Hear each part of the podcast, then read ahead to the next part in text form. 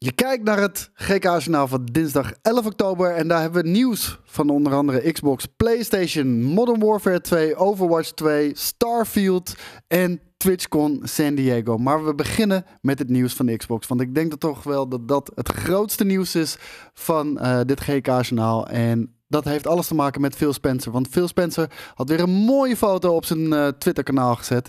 En uh, als we dan hier naar kijken, dan zijn er altijd wat mooie ja, Easter eggs hier en daar te vinden. We weten natuurlijk allemaal nog wel met de Xbox Series S die natuurlijk op de plank stond. En uh, beeldje van Kojima. Noem het allemaal maar op. Nou, wat zien we hier? We zien natuurlijk een Logitech G Cloud handheld uh, naast de Pip-Boy uh, staan. Maar daarboven, helemaal boven op de bovenste plank, zien we daar een klein kastje liggen. Bam, daar is die. En dan vraag je natuurlijk af, wat is dit? Nou, ik denk wel te weten wat het is. Want ik denk dat dit Project Keystone is. En Project Keystone, dat is iets waar we, nou, ik denk meer dan een jaar geleden, of uh, misschien nog wel veel langer, twee jaar geleden hierover hebben gehad. En um, dat was een bepaalde, een, bepa een, bepaalde codenaam voor een project binnen Microsoft. En uh, zo even bijvoorbeeld de consoles heette Project Scarlet en Project Longhorn, geloof ik. Even uit mijn hoofd. En de, tussen al die regelscode stond daar ook nog een aanwijzing bij voor Project Keystone. En alles leek daarbij op te wijzen dat dit een, uh, een project zou zijn dat zich voornamelijk richt op streaming. En streaming natuurlijk via xCloud. Nou, we hebben een klein beetje de extra bevestiging gehad. Uh, doordat Xbox, het officiële Xbox-kanaal, ook nog eens heeft gereageerd op veel Spencer met. Veel, moet je dat nou wel altijd doen? Uh, altijd deze conceptproducten op je plank leggen. En um, dus ik denk wel dat dit een, een zekerheidje is. En het, is ook een hele logische move wat mij betreft. Uh, ook de timing is natuurlijk weer uh, uitstekend. Zeker gezien de recente ontwikkelingen met Stadia, die ervoor heeft gekozen om de deuren te sluiten. En volgens mij na 28 januari de service helemaal plat te leggen. En daardoor ontstaat er natuurlijk uh, ruimte op de markt. De markt uh, die op dit moment, uh, ik denk wel de twee grootste spelers op dit moment xCloud zijn en Nvidia GeForce. Waar Nvidia GeForce natuurlijk gebruik maakt van Nvidia GPU's in combinatie met jouw PC-games. Waar jammer genoeg nog lang niet alles op staat.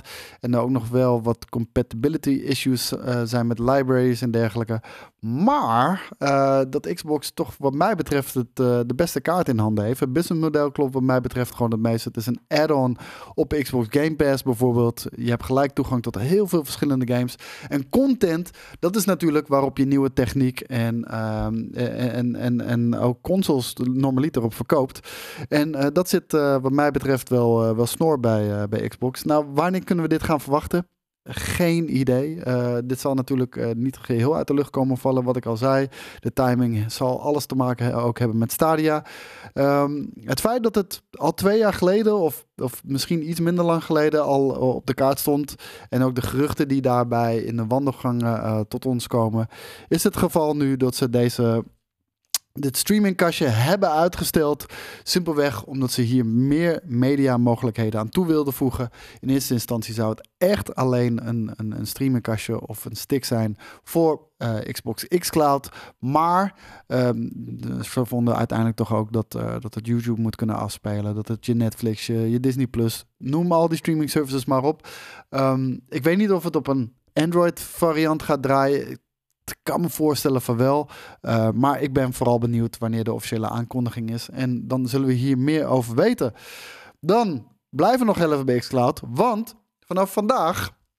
Het is niet overal, dus misschien nog niet bij jou. Uh, maar je moet wel je software geüpdate hebben. Vanaf vandaag kun je je xCloud games ook opstarten vanuit Microsoft Edge en of Bing.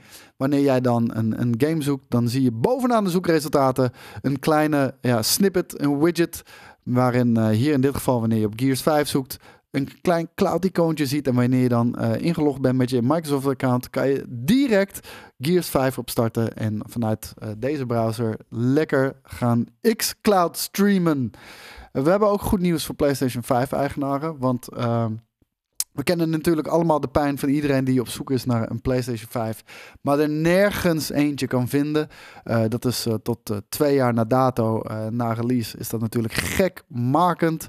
En zeker nog de bundelmafia gaat hier nog kei en kei hard op. Ook al wordt mondjesmaat Uh, de, de, de, leveringen worden steeds beter. Uh, maar je wordt nog steeds door de, door de retailkartels, om het zo maar heel even uh, te noemen, genaaid. Met bundels waarvoor je veel te veel geld moet neerleggen. Voor, met allemaal shit wat je er niet bij wil hebben natuurlijk.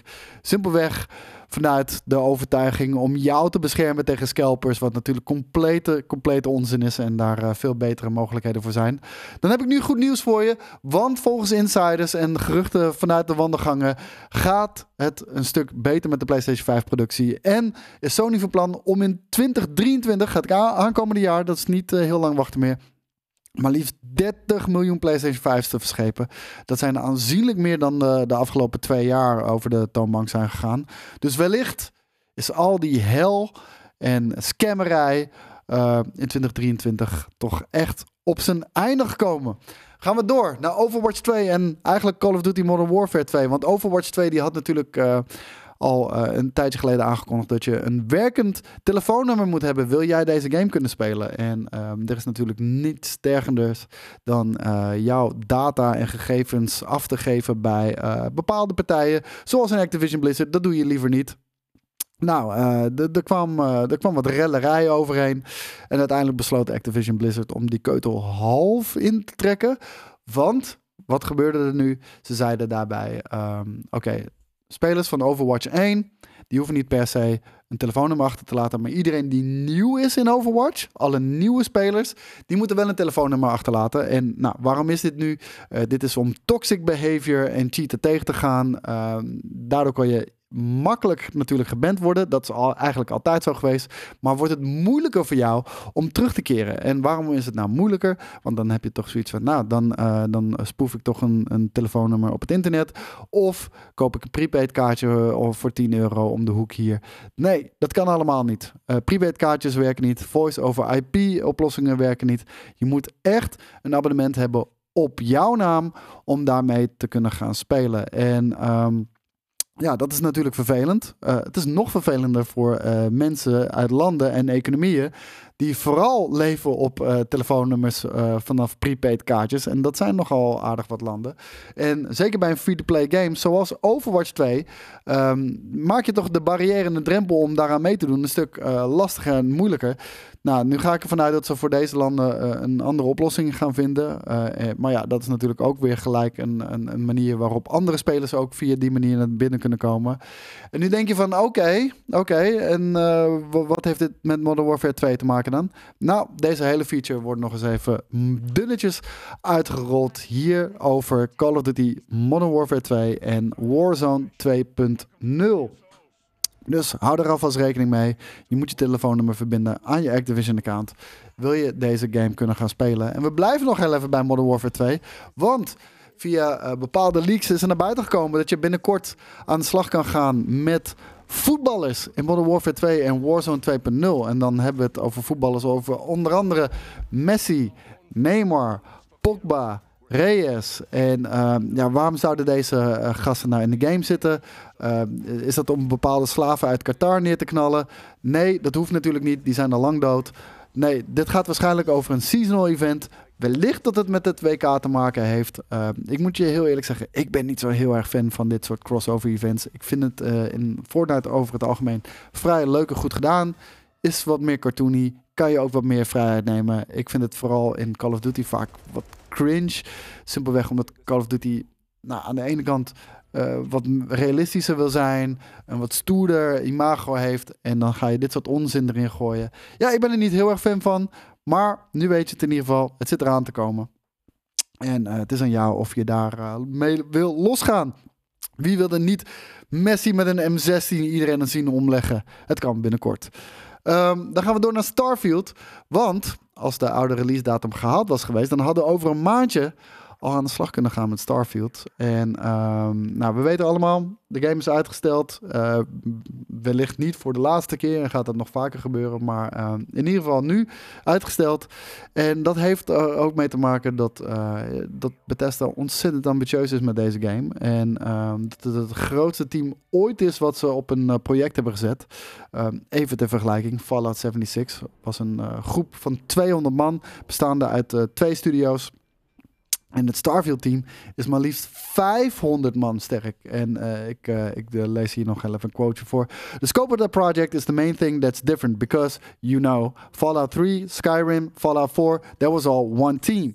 Fallout 76, that was two, mostly. We had a little bit of help from Montreal, but it was mostly the Austin and the Maryland studios working together. But yeah, Starfield is a much bigger project. It's like 500 people or something on the team, whereas I think Fallout 76 was maybe 200 tops.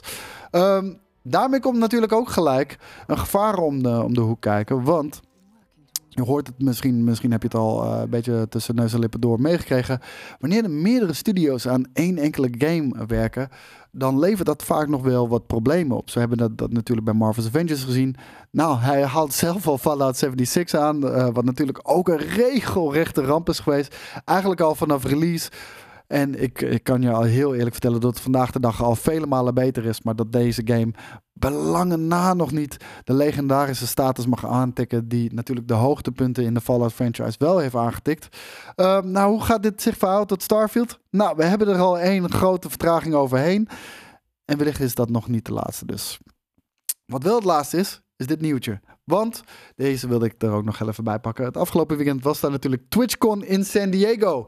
Uh, TwitchCon San Diego is natuurlijk de, uh, de allergrootste TwitchCon. En daar was een foam pit. En uh, in die foam pit gebeurde het volgende. Hier zien we een face-off tussen twee streamers die elkaar van de platform moeten beuken. Nou, dat is gelukt. En um, om de overwinning te vieren sprong hier Adriana Cechik. Het spijt me als ik je naam uh, butcher. Die, uh, die deed nog heel even een vreugdesprongetje hier in de foampit. Maar um, ja, er waren al flinke waarschuwingen uh, gegeven over dat je uh, niet in de foampit mocht uh, duiken. je moest zelfs een waiver tekenen voordat je hier aan mee ging doen. En dat heeft er simpelweg mee te maken dat dit maar één laag foam was. En uh, oké, dan denk je, ja, maar wat maakt dat nou uit? Nou, de laag daaronder was gewoon beton.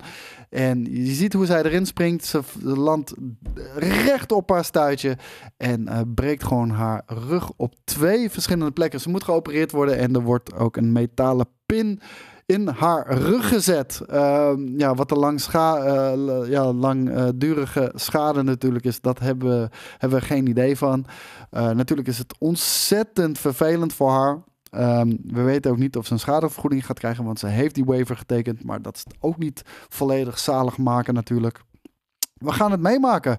Uh, maar deze Twitch-streamer, die ligt voorlopig heel even in de, in de lappenmand. En daarnaast is ze ook nog een pornoactrice, uh, begreep ik. Ik denk dat ze die carrière zeker heel even op een laag gaspitje moet zetten. En daarmee zijn we aan het einde gekomen van dit GK-journaal. Bedankt voor het kijken en tot de volgende keer. Ciao.